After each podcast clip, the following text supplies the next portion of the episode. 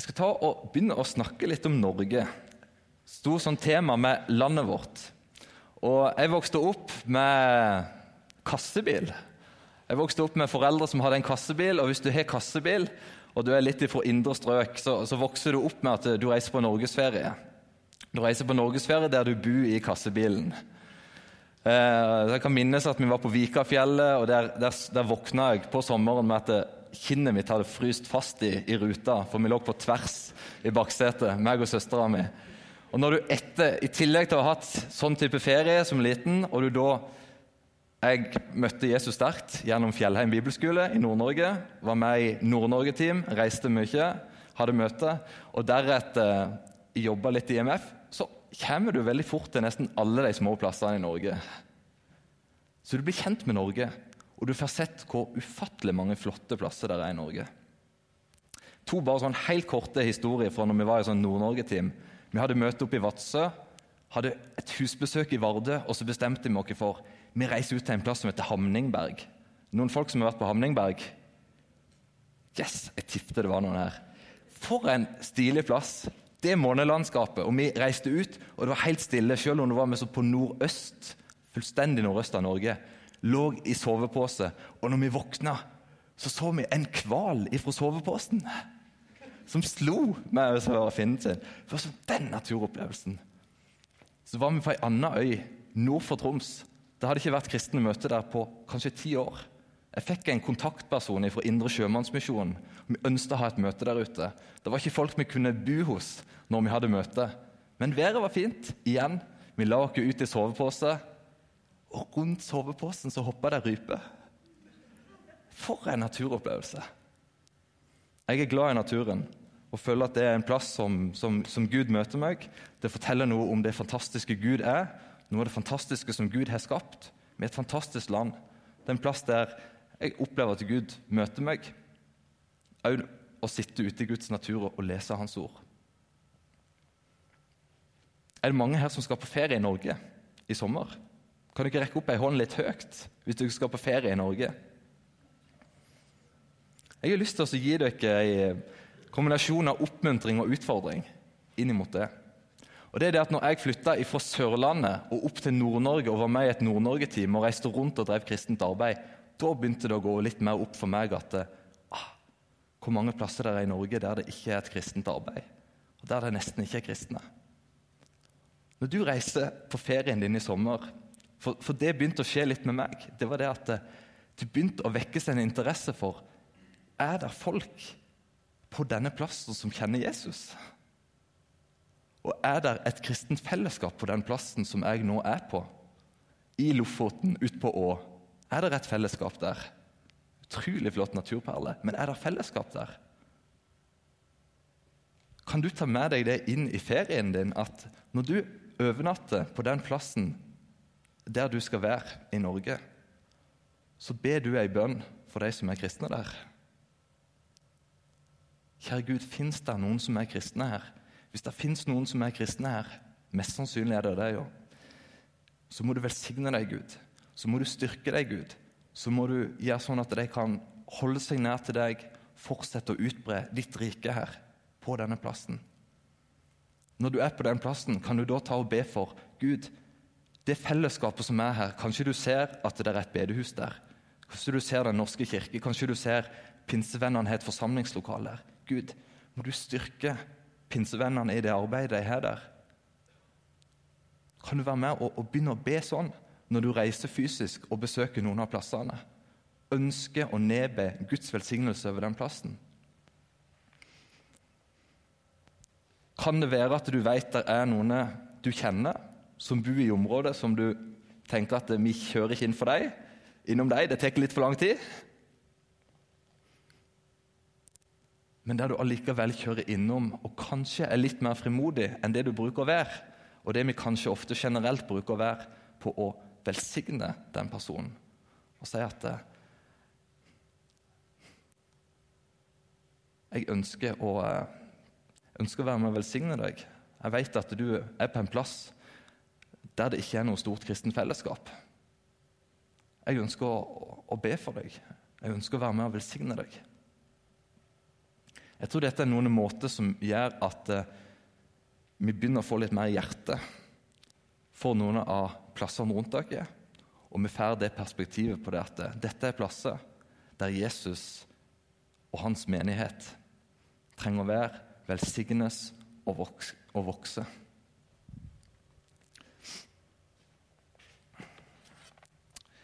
På GF Var det mange som var på GF her? Litt folk? Ja, bra. Eh, så var jo temaet 'innta landet'. Innta landet. Israelsfolket som skal innta landet. Det var litt shaky, men, eh, men sånn, sånn, sånn, var det. Innta landet.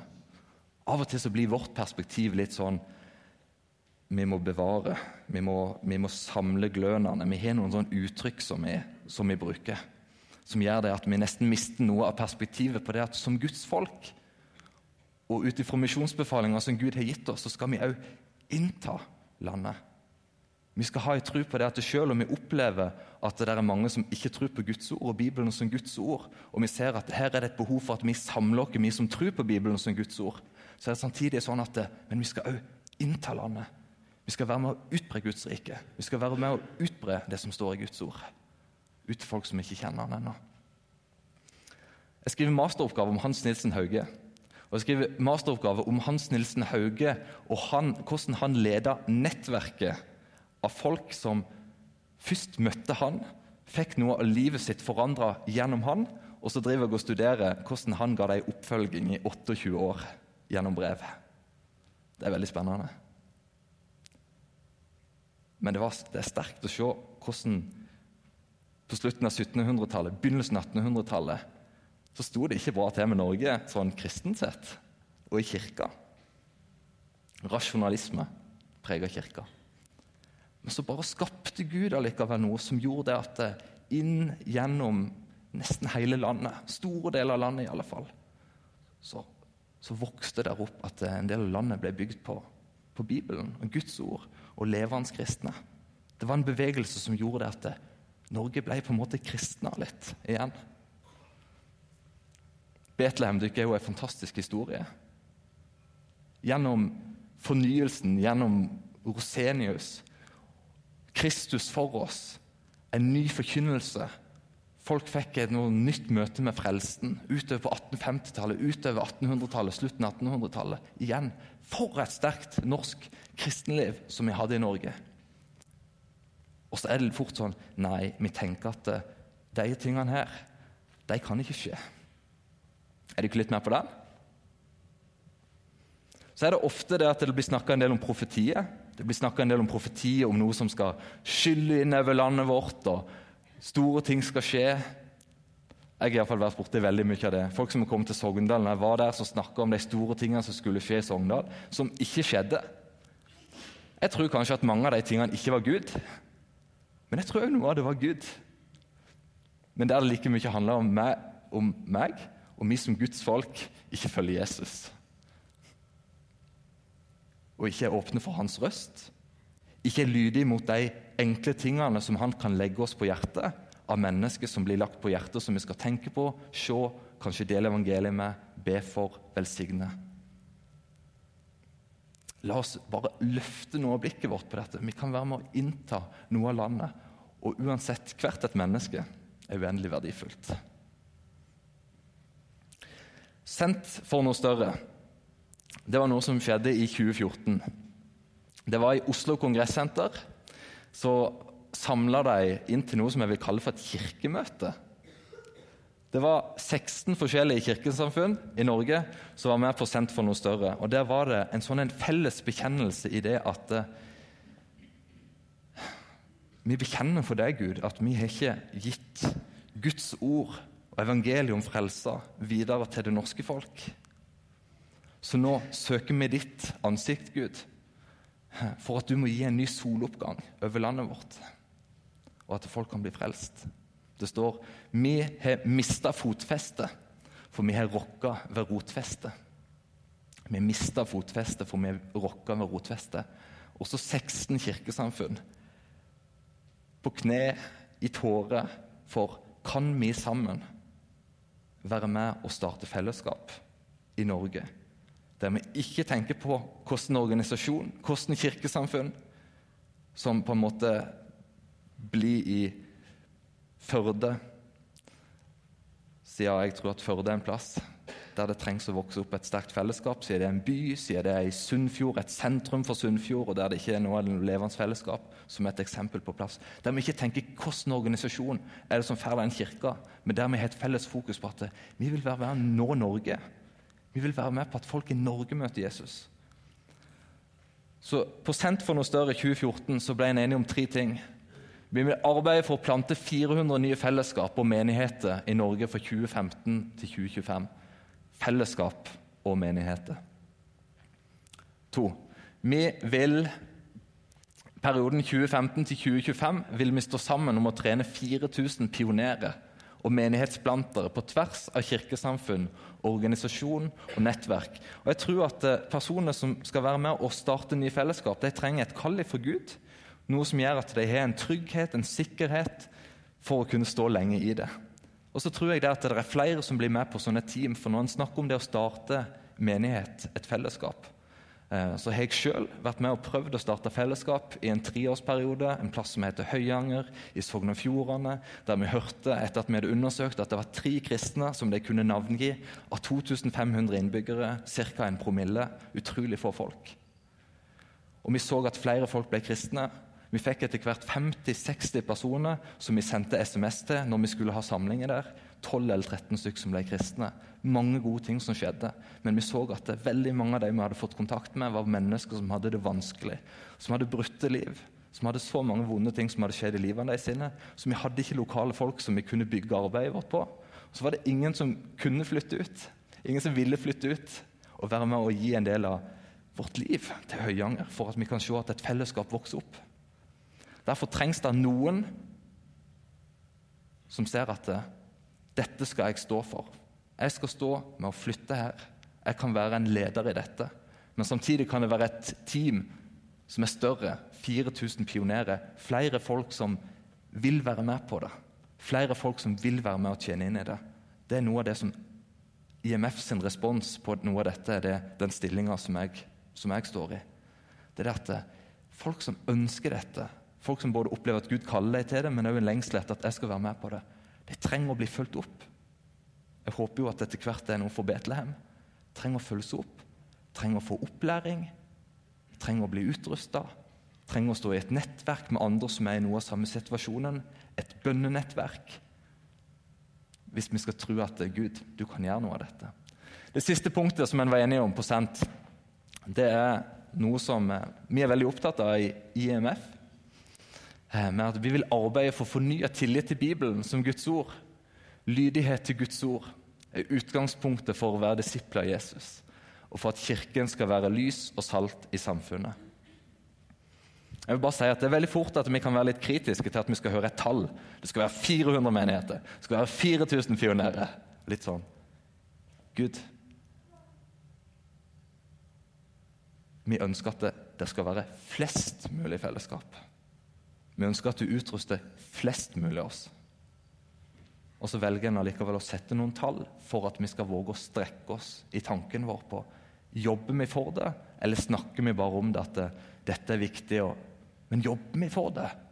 Jobber vi for det der vi inkluderer oss sjøl at ja, jeg kan være en del av dette? Jeg vil bare si det hvis noen har følt at de tallene var litt kunstige.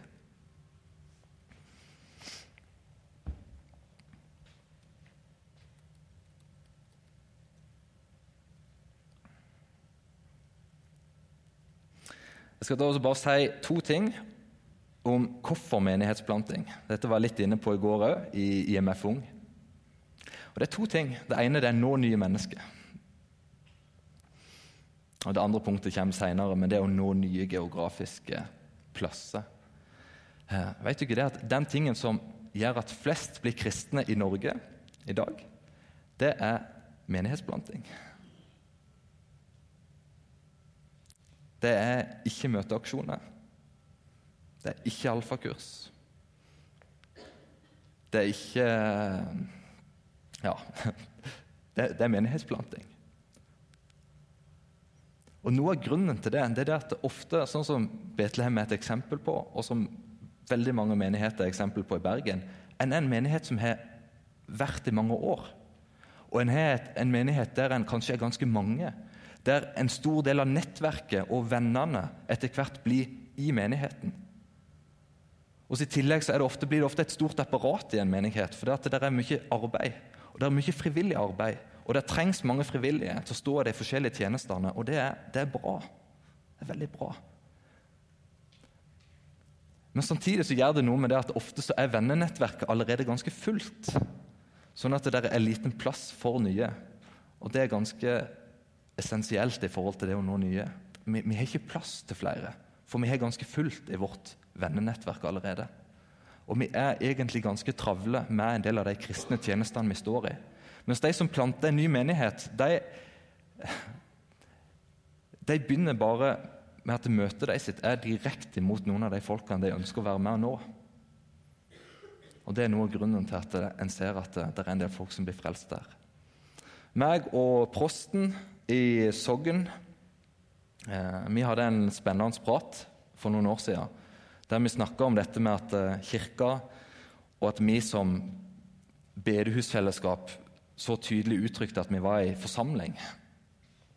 Snakka vi litt om det. Er det plass til to, to menigheter i Sogndal? Men Så snakka vi etter hvert om det. Men, men hva hvis Den norske kirke ikke når innbyggerne i Sogndal? Og hva hvis SIM, Sogndal Indremisjonsforsamling, ikke når folkene i Sogndal? Da trenger vi jo nesten en ny kirke. Det var bare som et tankeeksperiment. Da trenger vi jo at det er noen som kommer og når Sogndal.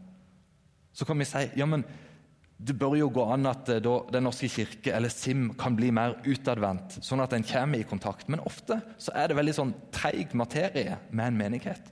Det skal mye til at menigheten ønsker helt og fullt å bli en utadvendt menighet igjen.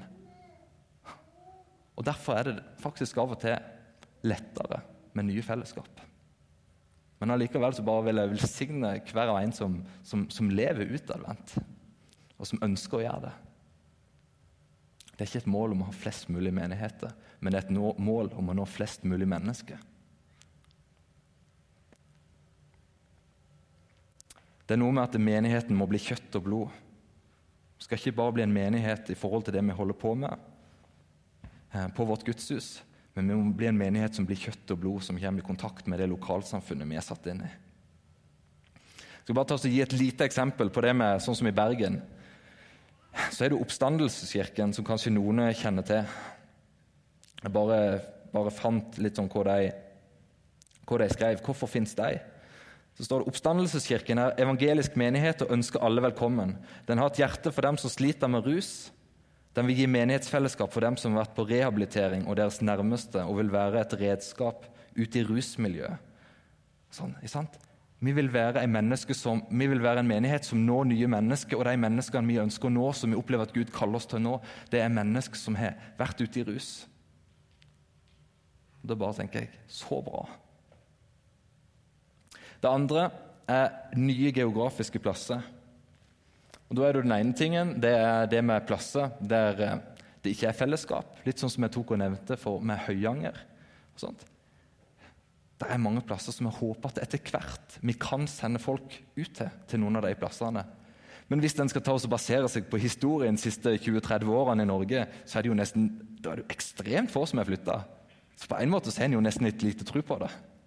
Og så vet en at Når en snakker om å flytte til andre plasser, så er det veldig fort at nesten alle som hører på, tenker at det, ja, men det angår ikke meg. Så derfor er det nesten sånn at en, Men, men allikevel, vi tror på det. Vi tror det at eh, noen skal være med og flytte. Vi tror det, Og det er noe av det jeg ber mest om. Det er det at Gud Det handler ikke så mye om det jeg, jeg så avhengig Gud at det er du som begynner å kalle på folk til å reise ut. Du må gjøre ditt verk i menneskets liv. Det andre, bare sånn kort, for det tenker jeg det kan være litt mer aktuelt for dere som menighet nå, det er at ofte er en menighet ganske ofte sentralt. Han ligger i et sentrum. Betlehem ligger i sentrum av byen. Og så har byen en del bydeler. Og så er det ofte det at det, Bare sånn kort fortalt Kristiansand der har Frikirka og Misjonsforbundet ifra at de hadde menighet sentralt i, i, i byen, så er det nå menighet i hver bydel.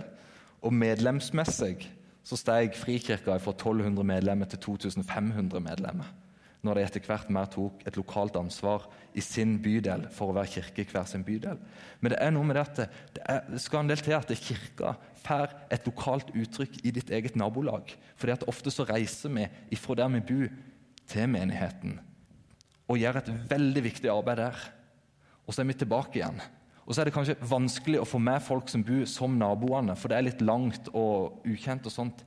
Men kirke som er tydeligere i nabolaget, det når tydeligere ut til nabolaget. Evangeliet i nabolaget.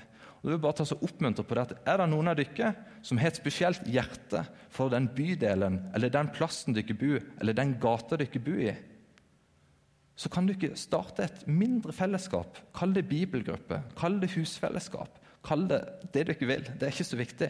Men et mindre fellesskap som er helt og fullt under Betlehem, men som er tydelig på dette. Vi har et hjerte for denne plassen.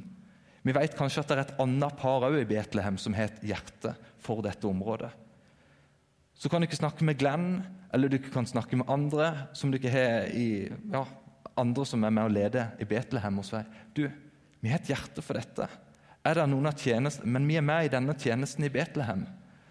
Men vi lurer på om Gud utfordrer oss på å slippe noe av den tjenesten for en periode. For å gå inn i å være med og nå det Gud har lagt oss på hjertet. Kan du ikke ta den utfordringa litt til dere? Ta den utfordringa inn i bønn. Gud, den plassen jeg bor på, hva har du meint med å sette meg der jeg bor? Hvor kan jeg være med og utbre ditt rike lokalt her? Fra at menigheten har et sentralisert fokus, til at det blir desentralisert hjem til heimene våre. Kombinasjon heim og storfellesskap, sånn som det ikke er i dag. Nå ser jeg Lena, at klokka går, men jeg skal ta oss og snakke bare litt om Jesus og Jesus sitt sinn. Og Det er bare så tydelig bare å se på at Jesus han var så for eksempel, Mange av de tingene kan høres flott ut, rett ut, og dette er spennende. Men så handler det om det at eh, vi trenger å få Jesus sitt sinn. Vi trenger å få Jesus sitt hjerte for dette. Jesus han var så dreven av kjærlighet.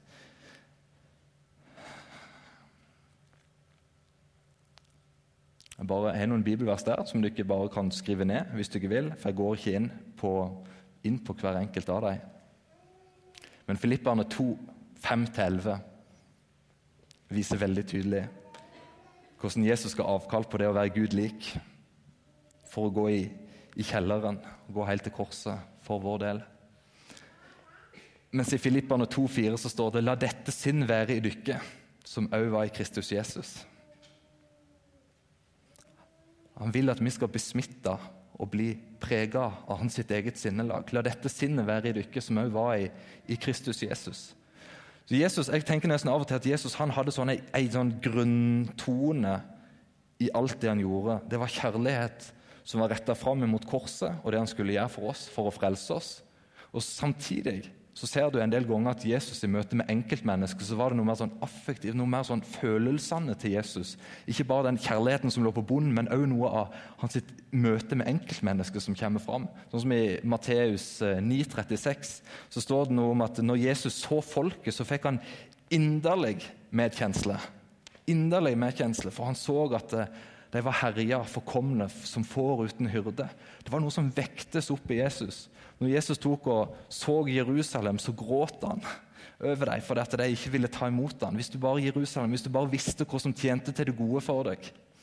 Men du, du ser det ikke. Det er skjult for deg.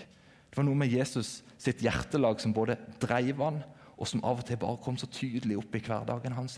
Gud, gi meg noe av det sinnelaget som du har. Og Gud, jeg har fått lov til å erfare det noen ganger. Dere har fått lov til å erfare det, iallfall en del av dere. fått lov til å erfare det noen ganger. Men Gud, gjør det mer med meg. Berør mitt hjerte. Jeg tykker det er et sånt eh, fint, jeg har tatt, just og lest eh, boka Asbjørn Aavik igjen. som flere her kjenner, De venter. En bok som bare 60 sider, stor skrift, lita bok, kjapp å lese gjennom.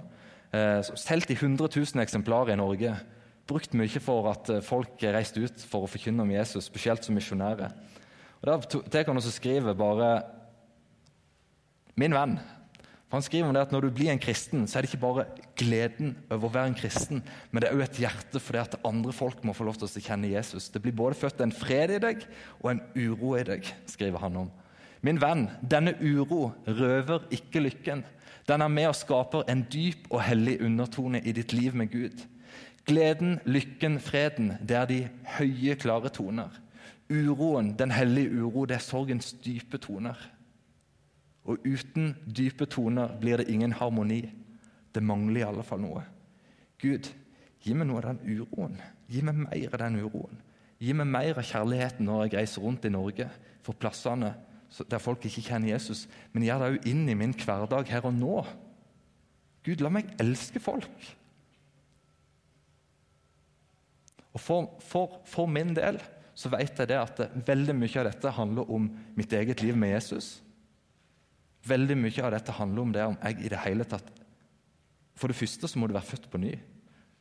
Du må være frelst. Ethvert menneske, om det er frelst eller ikke, kan få en sånn en medfølelse for folk som har det vondt, når en ser fattigdom og fæl, grusomme ting som skjer i verden.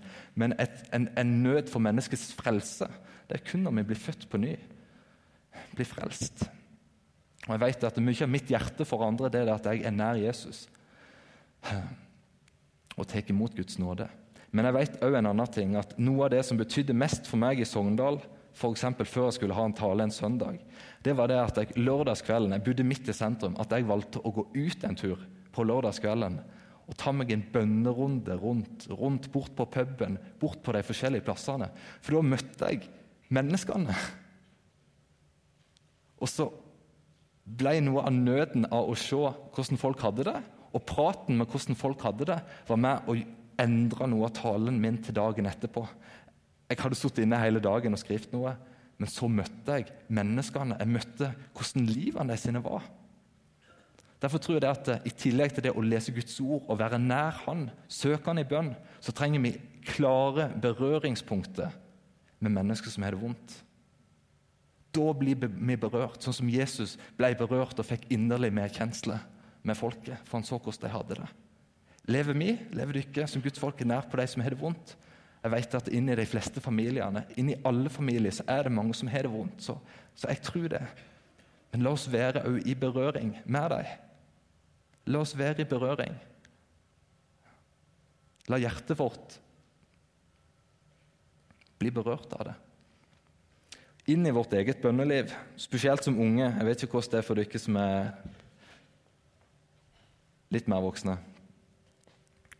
Veldig fort jeg merker jo det at mine bønner er dessverre ofte selvsentrerte. Det må jeg være ærlig på. Og så har jeg mål, og jeg vet at jeg begynner med å be for noe som ikke er om meg, og så lander det på meg etter hvert.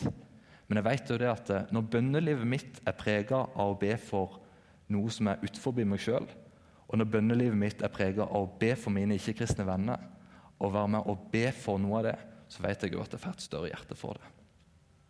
Mm.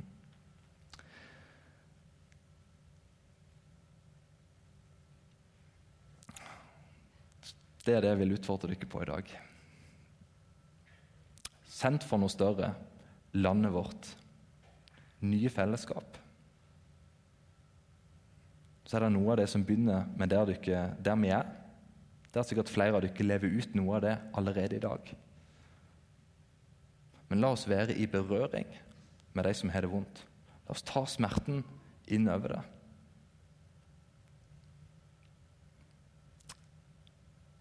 La oss våge å be om Gud.